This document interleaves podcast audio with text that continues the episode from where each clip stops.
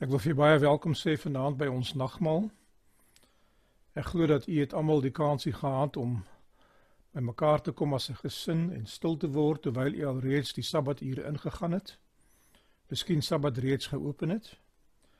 Dat u al die fisiese uh komponente van hierdie diens gereedheid gebring het, u skotteltjie water en die handdoeke gereed geplaas het vir wanneer die voetewassing gaan plaasvind indien u wel aan die voetewassingsplegtigheid gaan deelneem en dat u u brood en u wyn gereed sal hê.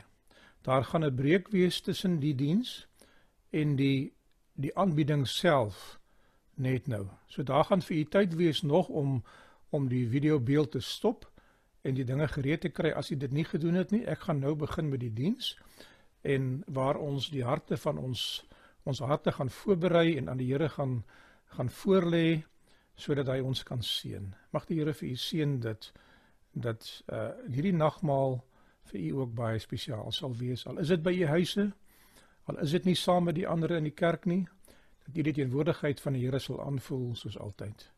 Kom ons doen 'n gebed saam en ons vra die teenwoordigheid van die Here voordat ons begin. Dierbare koning Jesus, ons staan in die skaduwee van die ewigheid en terwyl ons op 'n bonatuurlike wyse deur hierdie siekte wat in ons land is en in die wêreld is Here daarvan weerhou word om in die huis van die Here nagmaal te gebruik om dit vir ons gevaar inhou. Is my gebed liewe Here dat ons diens aanvaarbaar sal wees vir U selfs tuis. Here seën vir ons dat die Heilige Gees ons harte sal gereed maak en dat ons liewe Here hierdie tyd saam met U as baie kosbaar sal beskou. In Jesus naam vra ek dit. Amen. Ek wil u uitnooi om die Bybels te neem en saam met my te blaai na die Evangelie van Johannes. Dit is hoofstuk 13 wat ek as die hoofteks sal gebruik in die eerste deel van hierdie aanbieding. Johannes hoofstuk 13 en ek gaan van vers 1 af vir u lees. Johannes skryf en hy sê en voor die fees van die Pasga het Jesus omdat hy wis dat sy uur gekom het dat hy uit hierdie wêreld sou oorgaan na die Vader en omdat hy sy eie mense in die wêreld liefgehad het hulle liefgehad het tot die einde toe. En gedurende die maaltyd die duiwel het dit al in die hart van Judas Iskariot die seun van Simon ingegee om hom te verraai het Jesus omdat hy wist dat die Vader alles in sy hande gegee het en dat hy van God uitgegaan het en na God heen gaan van die maaltyd opgestaan en sy boklere uitgetrek en 'n doek geneem en dit om hom vasgemaak. Daarna het hy water in die bak gegooi en die voete van die disippels begin was en afdroog met die doek wat hy omgehad het. Toe kom hy by Simon Petrus en die sê vir hom: "Here, gaan U my voete was?" En Jesus sê vir hom: "Wat ek doen, begryp jy nie nou nie, maar jy sal dit hierna verstaan." En Petrus sê vir hom: "U sal my voete in der ewigheid nie was nie." Jesus antwoord hom: "As ek jou nie was nie, het jy geen deel aan my nie." En Simon sê vir hom: "Here, vers 9: Nie net my voete nie, maar ook die ander my hande en my hoof. Jesus sê vir hom: Hy wat gewas is, het niks anders nodig as om die voete te was nie, maar is heeltemal rein en julle is rein, maar nie almal nie. Tot sover. Mag die Here vir u seën. Die Paasfees is iets baie spesiaals gewees vir die Israeliete. Ek gaan so 'n bietjie agtergrond vir u gee. Die ons praat van die nagmaal. En ons is vanaand voor u in die donker tyd van die dag. Nou u weet in die Hebreëse tydsberekening en die tydsberekening van die Bybel moet ek liewerster sê, sê Genesis hoofstuk 1 vir ons, dit was aand en dit was môre die eerste dag. Met ander woorde die meting van tyd in terme van dag en nag word gedoen vanaf die aandskemering wanneer die son gesak het. Deur die nag is die eerste deel van die dag En dan die tweede deel van die dag is die daglige gedeelte. So wanneer die aand aanbreek is die dag verby. Uh die Israeliete het gepraat van die Pasga of die Paasfees en die brood van die die, die ongesuurde brode en dan natuurlik die eersteling of die eerste vrugte gees, die eersteling gees, 'n fees wat ons in die Bybel vind as een van die eerste drie hooffeeste wat in die Bybel plaasvind. Nou die benaming wat ons het, nagmaal kom van die Paasfees af en ek wil so 'n bietjie daaroor met u praat. Die nagmaal is 'n instelling wat gevolg het op die Paasfees. En ons het dit so getitel omdat die gebeurtenis wat eerste plase vind het in die nagplase vind, sowel as die Paasfees. Die nagmaal hoef nie in die nag gedoen te word nie, dit kan in die dag gedoen word, soos ons ook dikwels dit doen. Die datum is die 14de van die maand Nisan, dit is ook die Hebreëse naam Abib wat ongeveer tussen 3 en 6 April is. Ons vermoed dit was 3 gewees. Daar is uh Bybelkommentators wat meen dit is die 6de April. Dit is nie vir my so belangrik nie. Die 14de Nisan vir my is die 3de April in ons tyd wat die Paasfees maaltyd plaasgevind het in die Bybel. In die tyd van die Bybel was daar godsdienstige jaar gewees en daar was 'n siviele jaar gewees. Die Here sê vir hulle die 14de van die maand Nisan, die dag toe hulle uit Egipte uitgetrek het, sal voortaan vir die Israeliete die eerste dag of die begin van die godsdienstige jaar wees wat uit 7 maande bestaan. En u kan die studie van die sewe feeste bestudeer, dan sal u agterkom dat hierdie hierdie dinge wat gebeur het in werklike tyd uh die eerste een was die Paasfees 14 Nisan, die fees van die ongesuurde brood aan die 15de Nisan en die eerstelingfees die 16de Nisan. 50 dae later was dit Pinkster gewees, 6 Sivan en dan was dit die fees van die trompette gewees in 1 Tisri. En dan was dit die groot versoendag 10 Tisri en dan was dit die hittefees in 15 Tisri. Sewe feeste wat sewe kerkhistoriese tydperke aangedui het in die wêreldse geskiedenis. So die sewe feeste was nie net tipologies van dit wat gebeur het in die verlede nie, maar ook 'n profesie van die verloop van die Christelike kerk wat nou 'n aanvang sou neem. Ek wil dit vir julle so stel dat die Paas of die die die die nagmaalviering is die eerste gebeurtenis wat plaasgevind het waar ons oorgestap het van om 'n Joodse volk te wees wat 'n eiendomsvolk was in die Bybel totdat ons by die Christelike kerk kom. En alhoewel die profesie van Daniël 8 vir ons sê en in Daniël 9 aansluit daarbey dat die Joodse volk in die 490 jaar tydprofesie wat vervul was in die jaar 34 na Christus tot 'n einde gekom het en die Christelike kerk begin het wil ek vir julle dit so stel dat die nagmaalsinstelling wat die Paasfees vervang het die eerste gebeurtenis is van die nuwe dimensie van die Christelike kerk. En Jesus is nou die hoof van daardie kerk aangestel en hy gaan om sy werk in die hemelse heiligdom te begin want hy sy werk in die aardse voorportaal van die Ou Testamentiese tabernakel tipologie reeds voltooi. Die werk in die eerste afdeling is die werk wat hy sou doen na sy hemelvaart tot en met 1844 waar hy sou oorstap in die tweede afdeling van die hemelse heiligdom in om die werk van die ondersoekende oordeel te begin. En daarna het ons nie datums om te bepaal wanneer daardie werk voltooi sal word nie. Geliefdes, die Paasfeesviering het baie belangrik gewees. Hulle moes 'n lammetjie gevat het.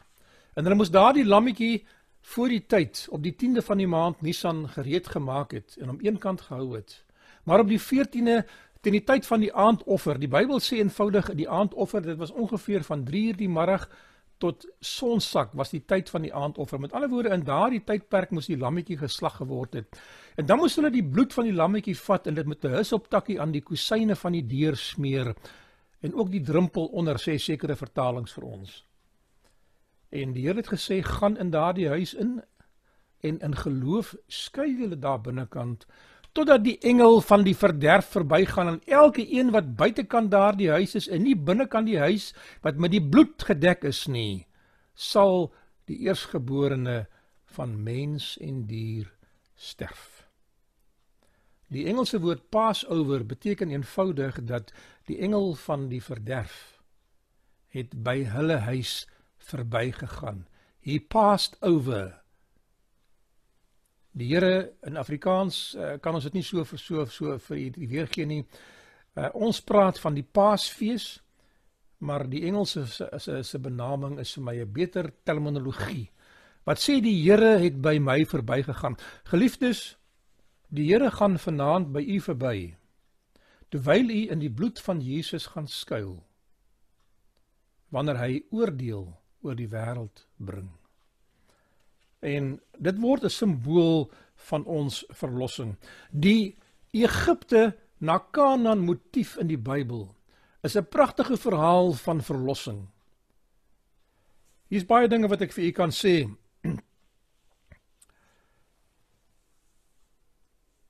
Die eerste stap in die proses van die mensdom is verlossing, bekering, wedergeboorte waar die Heilige Gees jou hart sag gemaak het, jou oortuig het van sonde, jou 'n behoefte aan God gegee het en jy gevra het, Here, vergewe my want ek kan myself nie help nie en geglo het om Jesus te aanvaar, het u 'n kind van God genoem. Dit is 'n 'n oomblik se werk. Die oomblik wat die mens besef hy's verlore en vir God vra om te vergewe en te help en die Heilige Gees berou in sy hart bewerkstellig het en hy daardie daardie berou gebruik om homself voor God te verootmoedig word jy onmiddellik 'n kind van God. Verlossing is die werk van 'n oomblik. Dis 'n werk wat net God kan doen. U kan niks doen en ek kan niks doen om onsself te verlos nie. Israel is in Egipte land. Hulle is daar effektief 215 jaar. En nou het die dag aangebreek waarop hulle Egipte sal verlaat. Maar koning Farao is daar, koning Farao se weermag is daar. Hulle is slawe. En die Bybel sê vir ons eenvoudig dat die 10 pla, dit wat ek aflei, was bedoel gewees om die mag van Farao te breek. As God ons verlos van sonde, breek hy die mag van die Satan. En die 10 pla was ten tweede daar gewees om die volk van die Here in staat te stel en te wys hy kan hulle verlos sodat hulle geloof in hom moet hê. Ek het 'n studie by die huis ernstiger my kaste waar ek gekyk het na die 10 pla. En die tydperk dit lyk vir my daardie 10 pla het nie opeenvolgend dag na dag en week na week gebeur. Dit was oor 'n lang tydperk vir meer as 'n jaar gewees wat hierdie pla gekom het. En ons kan dit aflei uit die Bybel uit. Maar dit is nie so belangrik vir my nie. Wat my belangrik is is dat die Here teen die pas waarteen Israel dit kan aanneem begin om hulle gewoon te maak aan sy teenwoordigheid om in hom te glo dat wanneer die laaste plaag geval het en hy gesê het julle sal uittrek uit hierdie land uit na die land wat ek aan Abraham en Isak en aan Jakob julle voorouers beloof het om dit in besit te neem so die die Egipte na Kanaan motief van verlossing is 'n verlossingsmodel. God het ons aan die kruis van Golgotha verlos. En die volgende stap is nou vir Israel om terwyl hulle op die pad is na die land Kanaan toe, begin die Here vir hulle om hulle te leer van die wet. 2 en 'n half maande eers nadat hulle Egipte verlaat het, ontvang hulle die wet in 'n geskrewe vorm en 'n gesproke vorm by die berg Sinai. Die Here het nie in Egipte vir hulle gesê, luister, Julle het begin om afgode te dien nie. Julle was ongehoorsaam my. Julle het opgehou om die Sabbat te hou. Uh want ek sien dat Moses begin 'n Sabbathervorming en Farao sê vir hulle, "Wil jy die volk laat ophou werk nou? Dan moet julle hulle eie uh, eie uh gras gaan kry om die stene te maak." En ek lees in een van die psalms, dit Psalm 105 dink ek, waar dit praat van van die Sabbathervorming wat Moses begin het. Die Here kon vir hulle gesê het: "Voordat ek julle verlos, moet julle eers julle sondes laat staan. En julle moet eers my wette gehoorsaam wees." Die Here sê vir hulle: "Ek gaan julle verlos. Vat die lammetjie, slag hom en gebruik die Paasfees viering op die wyse wat ek vir julle voorgeskryf het. Gaan in julle huise in en skuil daar en ek sal julle verlos. En langs die pad toe hulle uitgetrek het Egipte land uit, begin die Here om vir hulle te leer van die wet. Hy begin hulle leer hoe om te lewe. Langs die pad sê die Here vir hulle: "Luister, vir 6 dae gaan die manna val, maar die sewende dag sal die manna nie val." Die Here leer hulle van die Sabbat. En al die ander dinge wat die Here vir hulle geleer het wat later aan verbykom. Geliefdes, die Paasfees was die eerste stap gewees in die verlossingsproses. Die mans moes gestaan het. Hulle mag nie in die dag geëet het tot met die Paasfees eet daardie dag nie. Hulle moes hulle klere aangetrek het en hulle skoene aan hulle voete en hulle staf moes in hulle hand wees en hulle moes daardie Paasfees lammetjie haastig eet. Die Bybel het gesê die instruksie van Moses was baie duidelik geweest. As jy 'n gesin is wat te klein is om 'n hele lammetjie te eet, sluit aan by 'n ander gesin en deel met hulle of met ander enkelinge totdat jy genoeg is om daardie lammetjie te eet want jy moet hom totaal opeet. Daar mag niks van hom oorbly nie. Goed. Uh, 'n aardige instruksie van die Here. Verlossing is volkome vir die Here. En direk daarna, nadat hulle die Paasfees gevier het, het die Here die bevel gegee dat hulle in hulle huise moet ingaan En hulle het ingegaan en die engel van die verderf het verbygekom en die eerstgeborenes van Egipte land getref. En Farao het vir Moses laat weet: "Vat jou volk en trek." En hulle was vry gewees. Die Paasfees het teruggekyk na die verlossing uit die slawerny van Egipte uit. Maar dit word ook 'n simbool in die Bybel van die verlossing van sonde. Want die Paasfees kyk vorentoe na die dood van Jesus aan die kruis en dit was baie interessant dat op dieselfde datum 'n profetiese tipologiese datum van die Bybel op die 14de van die maand Nisan het die volk van die Here die laaste Paasfees gevier wat geldig was by die kruisiging van Jesus. Dit is nie toevallig dat hy op die 14de van die maand Nisan gekruisig was nie. Dit was die profesie van die Bybel gewees. Die besnydenis het die het verval en die Christelike doop het die plek daarvan geneem as die verbondsteken. Die Paasfees het verval en die nagmaal het die plek daarvan ingeneem. Ek wil u aandag vestig op Johannes hoofstuk 13.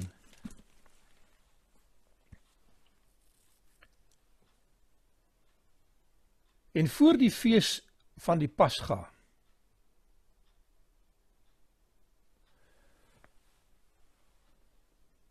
In my aanbiedinge probeer ek vir u leer om die Bybel te lees en 'n goeie eksegese te doen. Hier is iets wat gesê word voor die fees van die Pasga. Die donderdag aand 20 ure te vroeg vier hulle die Paasfees in die boefretrek. Want die volgende dag sou Jesus die Paaslam word wat vir ons geslag is. En as hulle eers die aand die Paasfees wou vier, sou hulle die Paasfees alleen gevier het want Jesus het van 3:00 die middag af nog aan die kruis gehang totdat sy liggaam verwyder is. Die Here skuif die Paasfees viering vir hulle 'n bietjie vorentoe. Ons vier nie meer die Paasfees op die 14de van die maand Nisan of die 3de April soos wat die Paasfeesviering was nie. Ons vier dit kwartaalliks soos wat dit nodig is. Die Bybel sê doen dit so dikwels as wat dit vir julle nodig wees.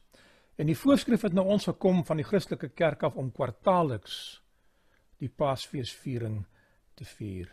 Ek onthou my pa het my vertel toe hy nog in die Groot Mariko distrik in Ceres omgewing uh, die plaas niets verdien wat daar was gebly het het hulle met nagmaal met die perdekar ingery dorp toe en in die dorp geslaap vir die naweek sodat hulle die pas ag of die nagmaal kan gebruik.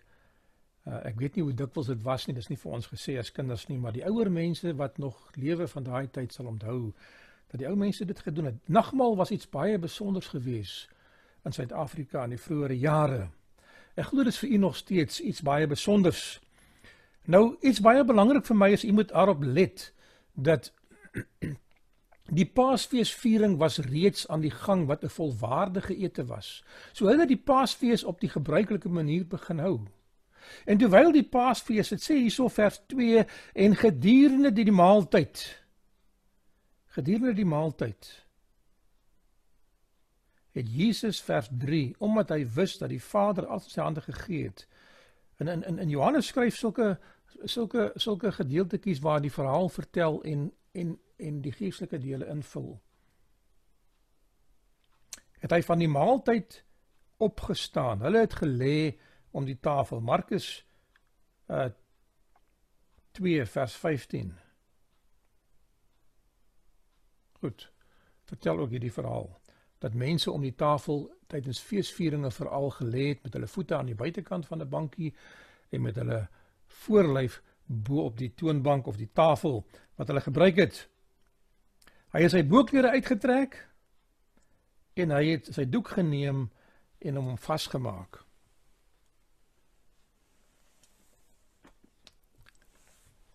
Toe die, die apostels by die boefretrek ingekom het, wil ek vir u voorstel dat nie een van hulle gereed was om die nagmaal saam met Jesus te gebruik nie. Dit wil sê mense vir my, ek het nie voorberei nie, ek het nie tyd gehad om voor te berei nie. Ek is nie reg om die nagmaal van die Here te gebruik nie. Geliefdes, as die Heilige Gees u beïndruk dat u 'n behoefte het om u sondes voor die voete van Jesus te plaas en vergewe te word, dan kan u die nagmaal gebruik. As u 'n kans gehad het om met mense te gaan regmaak, dan moes u dit gedoen het voor die tyd. As u nie 'n kans gehad het nie, wil ek u aanraai om na die tyd dit nog steeds te gaan doen. Want dit is die werk wat die Heilige Gees in die harte sal doen. Maar die, die apostels was nie een gereed om in die nagmaal saam met Jesus te gebruik nie. Hulle het gewet ywer. Ek verstaan in die boekie Koning van die Eeue dat hulle het half resies gehad wie gaan langs Jesus sit. En Judas en Johannes het daardie resies gewen. En hulle het so haastig by daardie deur ingekom dat hulle daardie skottel water in die handdoek wat daar gelê het misgekyk het. En vir hulle self gesê dit gaan nie my werk wees om hulle voete te was nie. Voetewassing was 'n vorm van eerbied in die ooste gewees en as iemand as 'n gas in jou huis ingekom het, het jy sy voete gewas. Dit was iets wat die Jode gedoen het en dit was nie nagelaat nie. En Jesus het daardie gebruike gehad. Jesus het begin om hulle voete te was en hy het in die kring ombeweeg van Judas af tot by Johannes. En ek ken die verhaal. Iemand vra vir my en ek het vanmôre vir my vrou dieselfde vraag gevra om te kyk of sy weet wat die antwoord sal wees. Wie het Jesus se voete gewas tydens die laaste Paasmaal? Jesus se voete was gewas, het jy dit geweet? Maar nie by die Paasfeesviering nie. Jesus se voete was gewas by die fees van Simon in die 2 of 3 dae voor die tyd deur Maria Magdalena.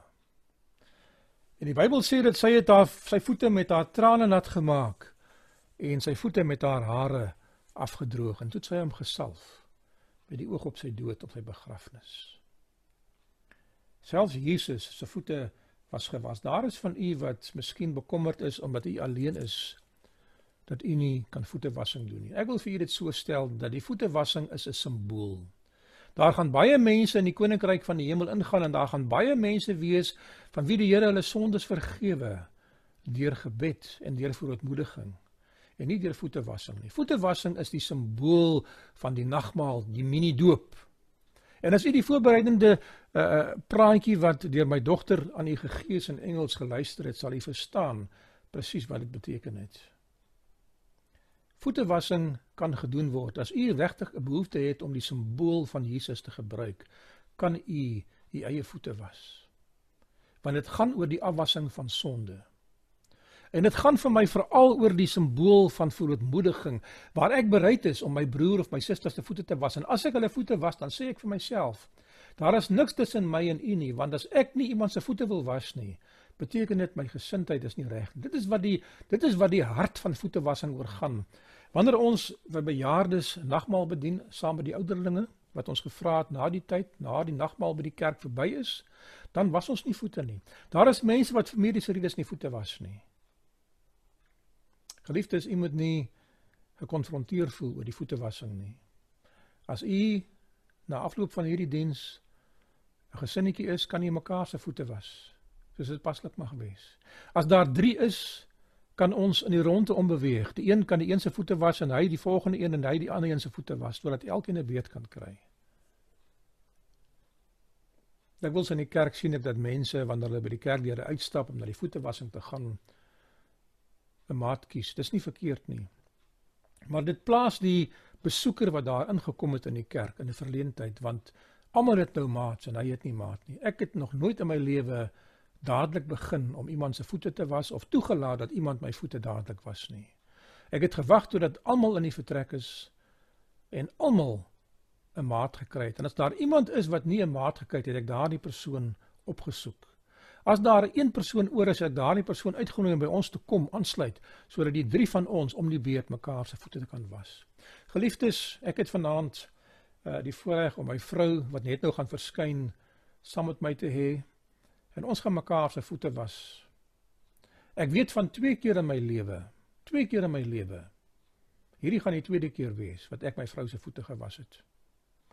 Ek het by 'n by 'n uh, huweliksverrykingsseminaar 'n nagmaal vir my vrou deurgegaan en vir die eerste keer in my lewe het ek haar voete gewas by 'n nagmaal.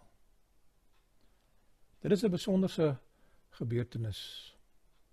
Ek het een keer op 'n ander geleentheid by mense aan huis gegaan waar ek en my vrou saam was wat ons ook ons mekaar se voete. So hierdie is die derde keer wat ek my vrou se voete gaan was. Jesus het dit gedoen as 'n voorbeeld ons kan dit ook doen. Ek wil aangaan met hierdie verhaal. Hier's pragtige dele in hierdie verhaal self.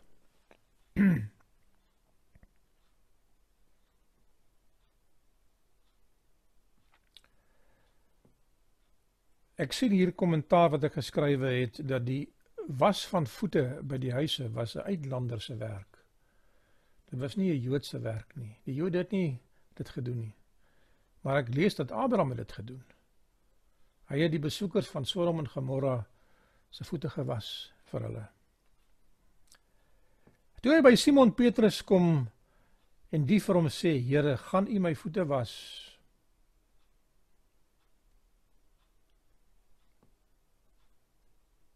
Jesus antwoord en sê vir hom: Wat ek doen, begryp jy nie nou nie, maar jy sal dit hierna verstaan. Ek lees in vers 12 toe hy klaar is met die voete wassing, toe vra hy vir hulle weer 'n keer. Hy sê: Verstaan julle wat ek aan julle gedoen het? Julle noem my meester en Here en julle is reg want ek is dit die ek is die naam wat Moses aan Jesus gegee het. As ek dan die Here en die Meester julle voete gewas het, is julle ook verplig om mekaar se voete te was. Want ek het julle 'n voorbeeld gegee om net soos ek aan julle gedoen het ook te doen. Voorwaar voorwaar vers 16 ek sê vir julle 'n diensknegt is nie groter as sy heer nie en 'n gesant ook nie groter as die een wat hom gestuur het nie. Wanneer ons by die voetewassingsplegtigheid kom, is ek nie u leraar nie. Dan is ek een van die lidmate van die kerk wat die liggaam van Christus is en u bedien my soos ek u bedien. Sou u beswaar gemaak het as die Here u voete wou was? Sekerlik. Petrus sê vir die Here, Here, in der ewigheid sal u nie my voete was nie. Die Here sê vir hom: As ek jou voete nie was nie, gevaarlike ding wat die Here vir hom sê, het jy geen deel aan my nie.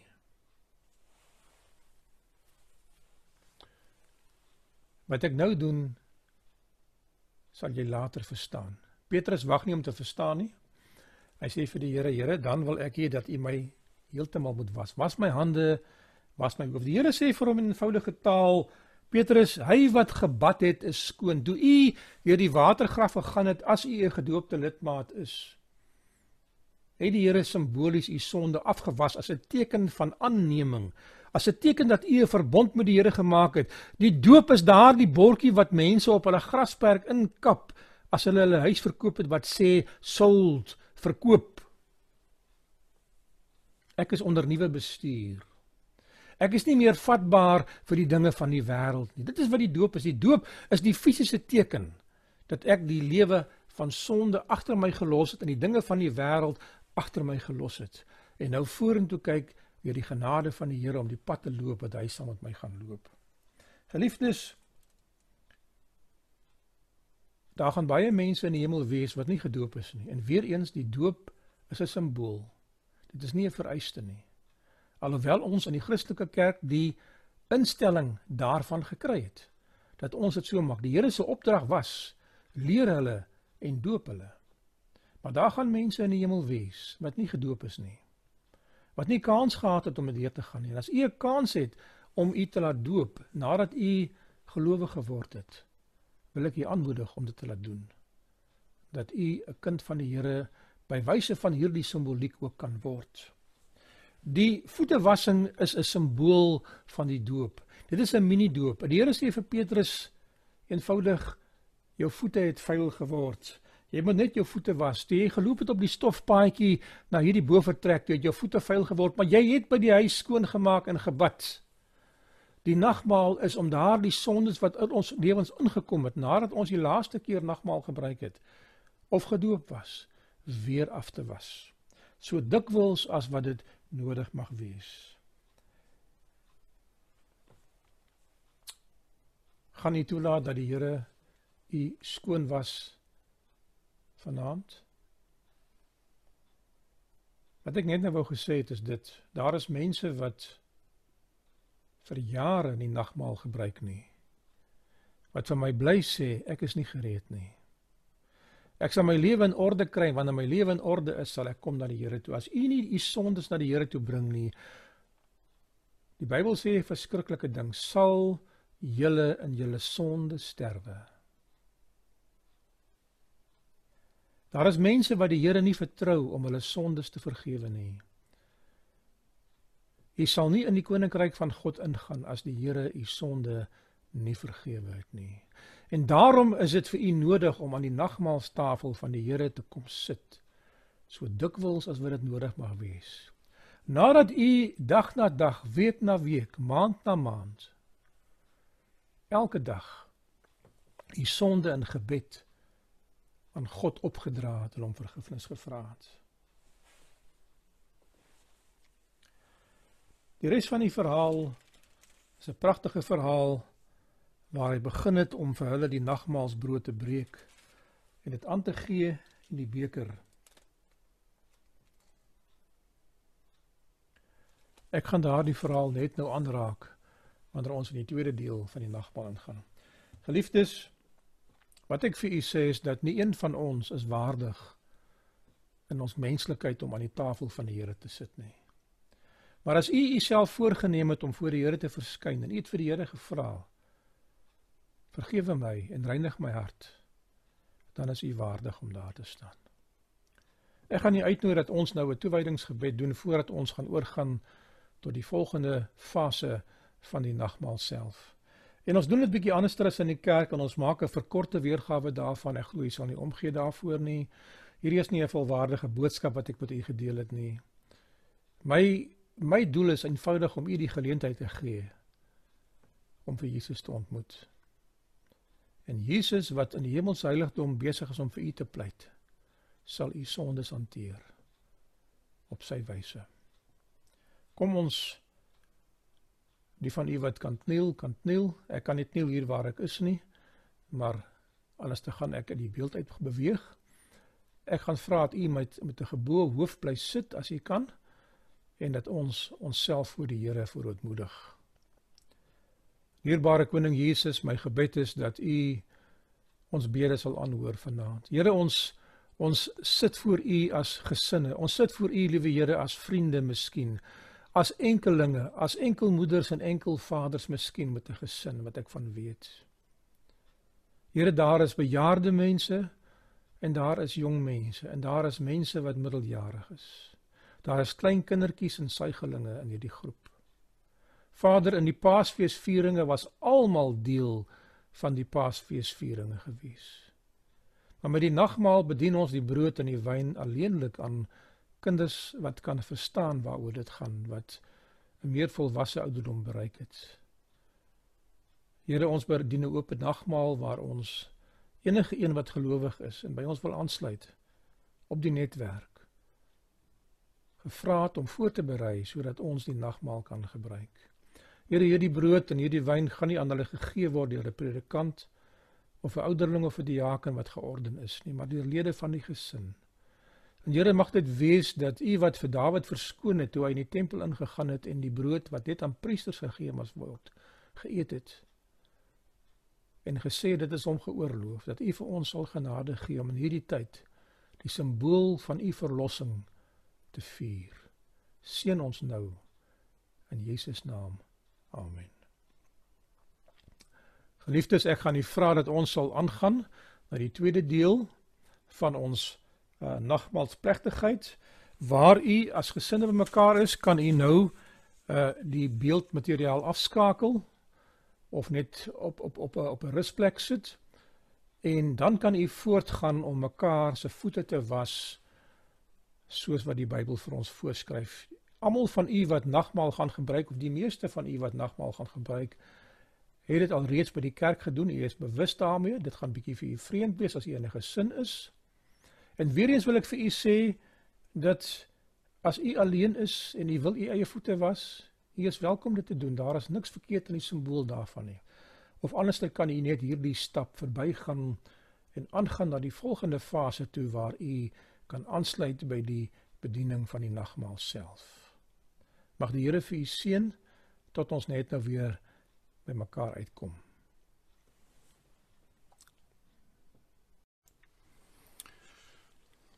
Baie welkom terug. Ek wil u uitnooi om 'n oombliekie stil te raak terwyl ons die aangesig van die Here soek voordat ons oorgaan na die tweede deel van ons aanbidding. Dierbare koning Jesus, baie dankie dat u vir ons genade gegee het om ons in die kruis van Golgotha te was en ons daardie versekering te gee, Here, dat ons weer van voor af kan skoon begin. Here, terwyl ons om die tafel gaan aansit, is my gebed dat u elkeen van ons sal waardig maak om deel te wees van die koninkryk en as kinders van God saam te gebruik aan die nagmaal wat U vir ons ingestel het. In Jesus naam vra ons dit. Amen. Ek gaan vir u vra dat u uself sal soos ons mag gemaak het hierso plaas rondom 'n plekkie waar u u brood en u druiwesap byderhand het.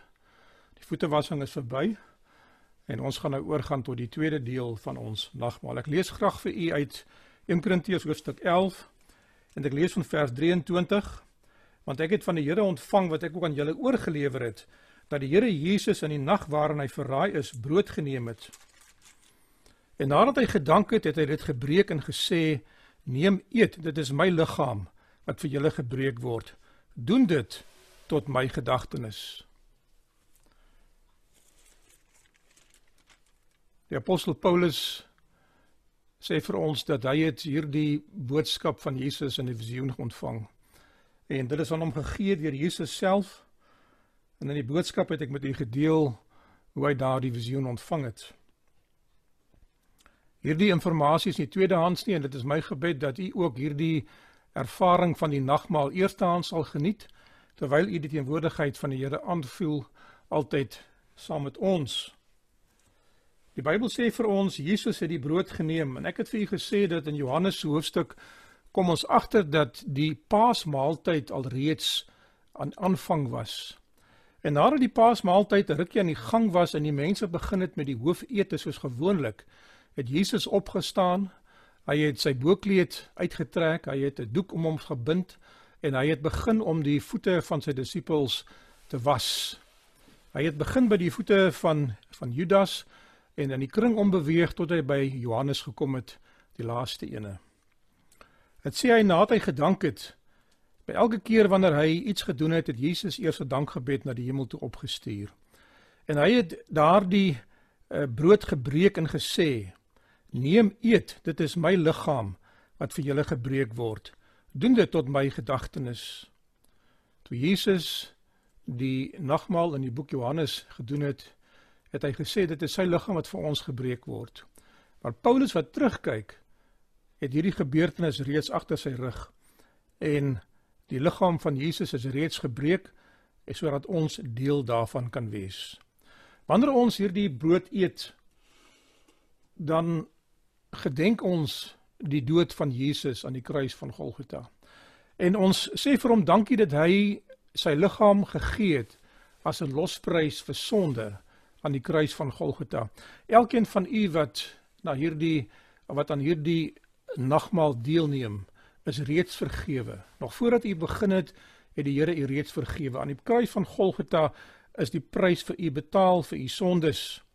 Wanneer hierdie brood eet en hierdie hierdie uh, brood gebruik in die liggaam, dan onderneem u om deel te wees van die verkondiging van die evangelie van Jesus.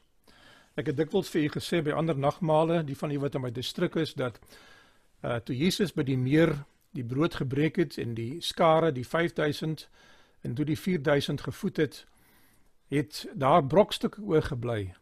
En hy het hulle opdrag gegee om daardie brokstukke te gaan optel. En wat het hulle met daardie brokstukke gedoen? Hulle het huis toe gevat.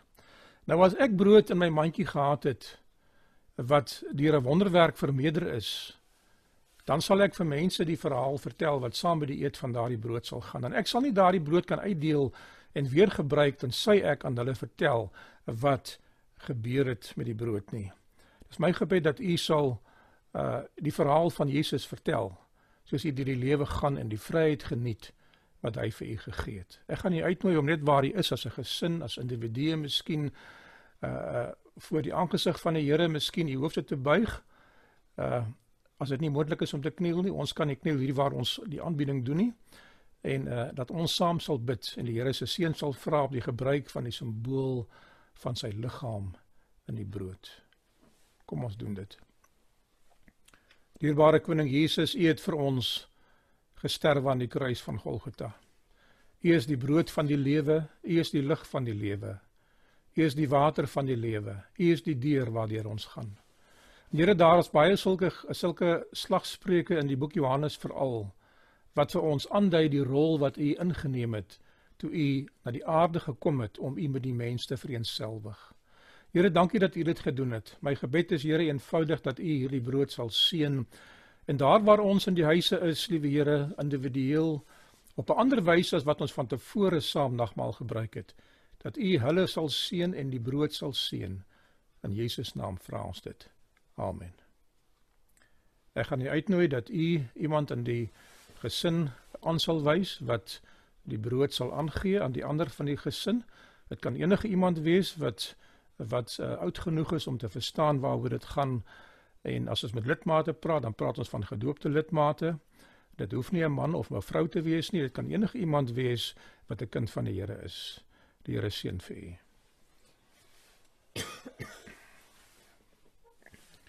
Die Here het gesê dat hierdie is sy liggaam wat vir ons gebreek is. En nadat u elkeen 'n stukkie brood ontvang het en almal bedien is, kan u daardie stukkie brood nou eet en dink aan wat die Here vir u gedoen het.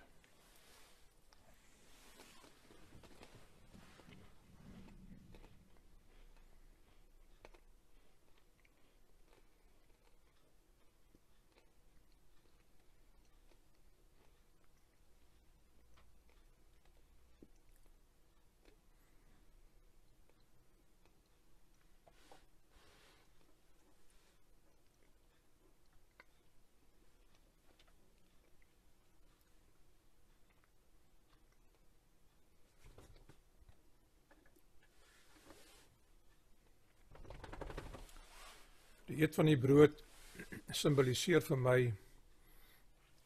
die opneem van die lewe van Jesus en die toepassing daarvan in ons lewens.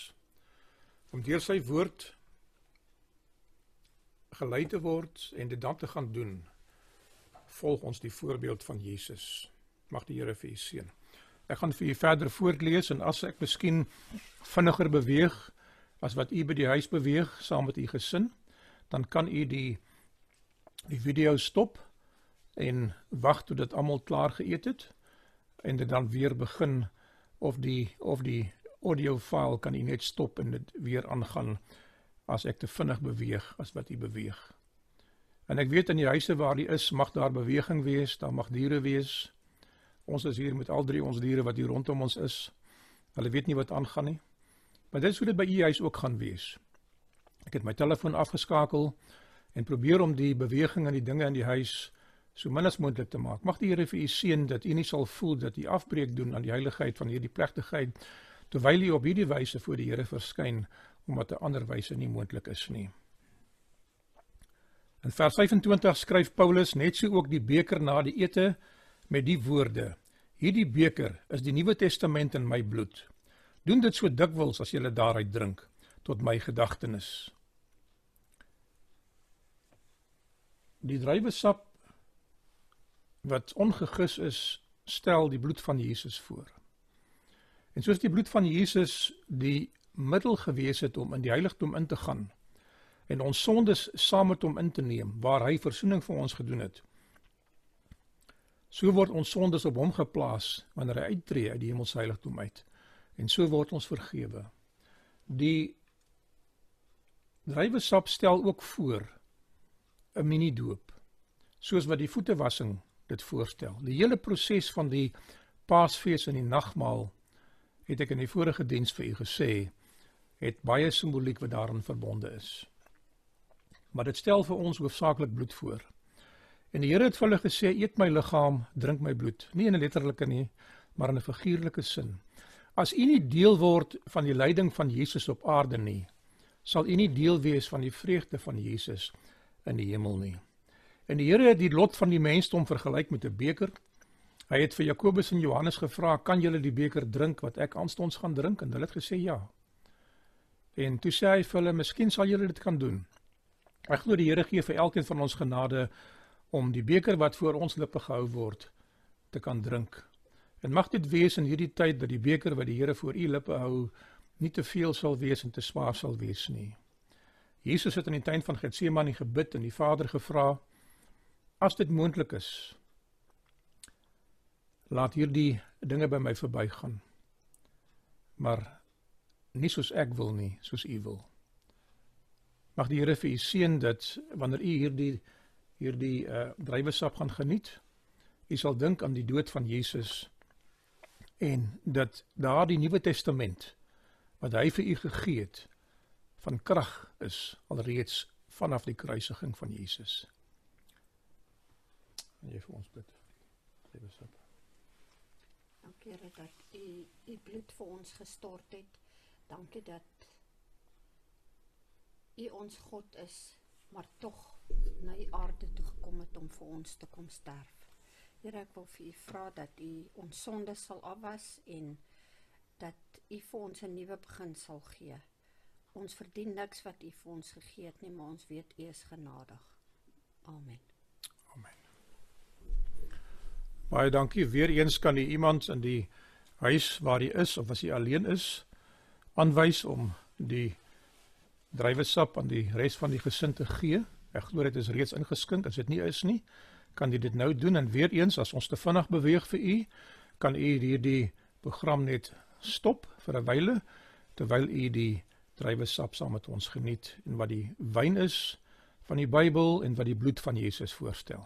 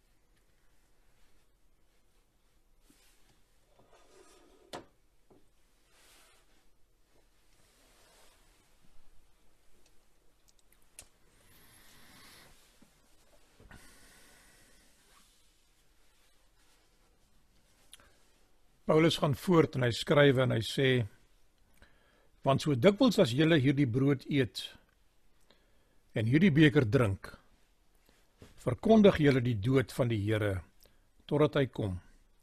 Wie dan op 'n onwaardige wyse hierdie brood eet of die beker van die Here drink, sal skuldig wees aan die liggaam en die bloed van die Here. Geliefdes, mag die Here vir u seën dat u werklik u die ervaring met Jesus saam deurgaan. Dat u sal weet dat hy werklik vir u intree, dat u sonde reeds vergewe is. En dat hierdie die simbool is waarmee ons weer eens daardie verbond wat ons met Jesus gemaak het bevestig. En 'n nuwe blaadjie oomslaan en van voor af begin om deur die lewe te gaan. Mag die Here vir u seën dat die res van die Sabbature vir u goed sal wees en waar u môre programme sal geniet, waar u aanbidding sal geniet, 'n lesstudie van u keuse, 'n erediens van u keuse en wat ook al u mag doen. As u miskien as 'n huisgesin kans het om lofliedere te sing, dat die Here u ook daarin sal seën. Ek gaan u uitnooi kom ons bid saam terwyl ons hierdie diens afsluit. Here Jesus, ons het gedoen wat U vir ons gesê het om te doen. En ek sê vir U dankie liewe Here vir die voorreg om dit te kan doen. Here, daar's baie mense wat gevra het om nagmaal te kan gebruik. Ek bid liewe Here dat U ons eenvoudige wyse waarop ons dit hierdie keer gedoen het verby sal sien. Dat U liewe Here sal kyk na die bloed wat aan die kruis van Golgotha gesterf is vir ons en gesê dit is my bloed Vader. Ek pleit vir hulle. Ek bid dat die vrede van die hemel wat alle verstand te bowe gaan in elke hart sal posvat en dat U liewe Here by ons 'n blywende teenwoordigheid sal hê deur hierdie Sabbature veral en die res van ons lewe. In Jesus naam vra ons dit. Amen. Mag die Here vir u seën en mag u 'n goeie nagrus hê in die Sabbature in tot ons mekaar weer sien môre. Totsiens.